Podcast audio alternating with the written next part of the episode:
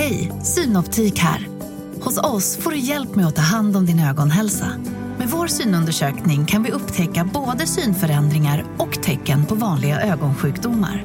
Boka tid på synoptik.se. Hej och välkomna till Lisa läser. Det är jag som är Lisa och idag ska jag läsa sagan om en liten svart björn som går i skolan.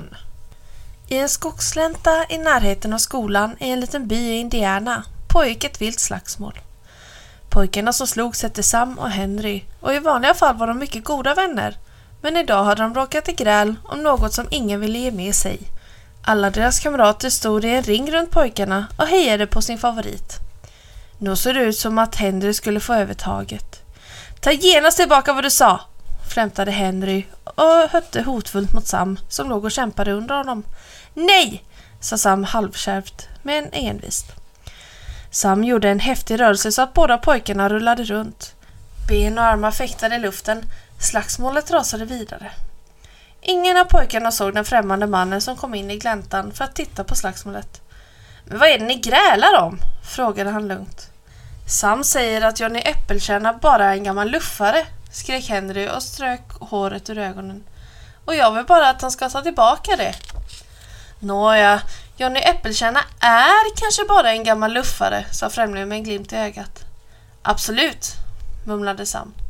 Nej, det är han visst inte, skrek Henry envist. Han är så snäll mot alla människor, vet farbror. Min pappa säger att Johnny Äppelkärna vandrar hundratals kilometer om året för att plantera äppelträd åt de fattiga nybyggarna så att de kan få frukt. Hur kom ni att tala om Johnny Äppelkärna? frågade främlingen. Han ska undervisa i vår skola för vår lärare är sjuk. Och jag vill inte ha en gammal luffare till lärare, sa Sam. Han är ingen luffare, skrek Henry.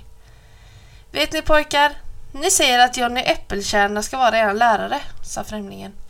Då kan ni väl vänta att gräla om honom tills ni har träffat honom. Om ni då fortfarande har olika meningar så kan ni ju komma hit igen och göra upp om saken med ett slagsmål. Pojkarna tittade ilsket på varandra. Ingen ville ge med sig först. Då tog den gamle mannen upp två äpplen ur sina hängande fickor. Ta de här, sa han, och gå nu hem och vänta med slagsmålet tills ni har träffat Johnny Äppelkärna. Pojkarna tittade närmare på den gamle mannen.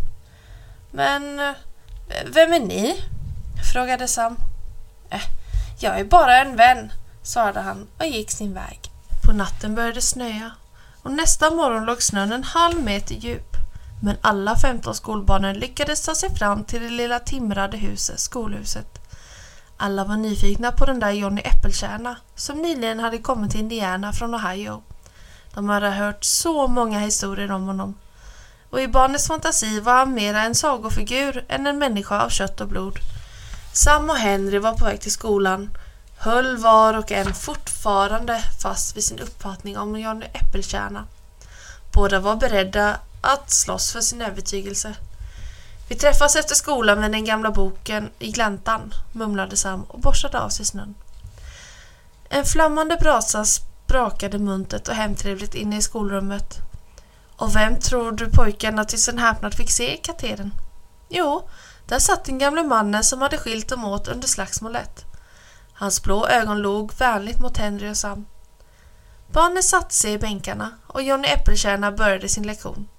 Han tog fram ett äpple, visade barnen kärnhuset och sa De här kärnorna ska jag spara och när våren kommer ska jag plantera dem vid skolhuset. När era barn och barnbarn går i skolan har de kanske var sitt eget äppelträd. Så tog Johnny Äppelkärna fram en gammal sliten bibel ur rockfickan han vände sakta bladen. Titta, viskade Sam. Det är hål rakt igenom pärmen. Johnny Äppelkärna log. Ja, min lille vän. Det där hålet är gjort av en kula. En indian siktade på mig när jag hjälpte de sårade i slaget vid Tippecanoe. Alla barnen flämtade av förvåning och spänning. Den här bibeln räddade mitt liv, förstår ni. Kulan stannade vid tolfte kapitlet i Johannes evangelium. Därför tänker jag börja läsa där. När han hade slutat läsa sa en av pojkarna Min pappa säger att ni har varit ända ute i västen. Såg ni några vilda djur där, herr... herr... Eh, mina vänner kallar mig för Jonny. Jag tycker redan att vi har blivit goda vänner. Ni får gärna kalla mig för Jonny. Visst såg jag vilda djur där ute och varje kväll hörde jag också panter ryta och lokatten skria. En dag hittade jag en liten dovhjortskalv som trasslat in sig i ett snår. Den skrek så ynkligt och jag befriade den och bad den en bit. Plötsligt fick jag syn på mamman som genast började ropa på kalven. Men kalven ville stanna hos mig och jag fick skrämma iväg den för att den skulle gå till sin mor. Sam hade blivit så intresserad av Johnnys berättelse att han alldeles hade glömt bort att han hade kallat honom för luffare. Storögd frågade han. Har ni mött någon björn? Ja, många gånger. Men ett möte med en björn glömmer jag aldrig så länge jag lever. Det var mitt i vintern. Snön låg lika djup som idag och jag hade vandrat genom skogen hela dagen. Och när det blev skymning letade jag mig efter en hydda, men jag hittade ingen. Jag förstod att jag måste slå läger utomhus. Till slut hittade jag en stor ihålig trädstam där jag tänkte sova. Jag gjorde upp eld och lagade kvällsmat. Men när jag skulle krypa in i trädstammen hörde jag ett underligt ljud därifrån. Det lät så här. Brrr, brrr. Ja, mina vänner. Gamle herr Björn hade också tyckt att det var en fin trädstam. Där tyckte han att han skulle sova. Jag kom ut ur den där trädstammen fortare än jag hade kommit in. Det kan ni lita på. Jag sover hellre i snön än i en trädstam där det ligger en hungrig björn, sa jag till mig själv. I sådana fall är det nog säkrast att respektera björnarnas rättigheter, förstår ni. Barnen skrattade förtjusta och plötsligt föstes dörren försiktigt upp och en liten svart björn promenerade in i skolsalen. Flickorna skrek förskräckta och pojkarna stirrade så ögonen höll på att ramla ur huvudet på dem. Den lille björnen såg lika häpen ut som barnen. Han stannade och såg sig omkring. Men Jonny var så van vid björnar. Som jag sa nyss, sa han lugnt, gör man klokast i att respektera björnarnas rättigheter. Den här lille småttingen är inte farlig. Han är bara hungrig. Han trodde väl att det fanns någonting att äta här inne. En av flickorna sköt blygsamt fram sitt smörgåspaket till Jonny. Han tog en smörgås och närmade sig sakta björnen medan han talade vänligt till honom. Så modig deras lärare var. Barnen såg beundrande på honom och björnungen nosade på smörgåsen och slukade den i ett nafs. Sedan satte han sig på bakbenen och tiggde om mer. Genast kom alla smörgåspaketen fram. Vilket härligt skrovmål den lille hungriga björnen fick. Det måste vara en tam björn, sa Jonny.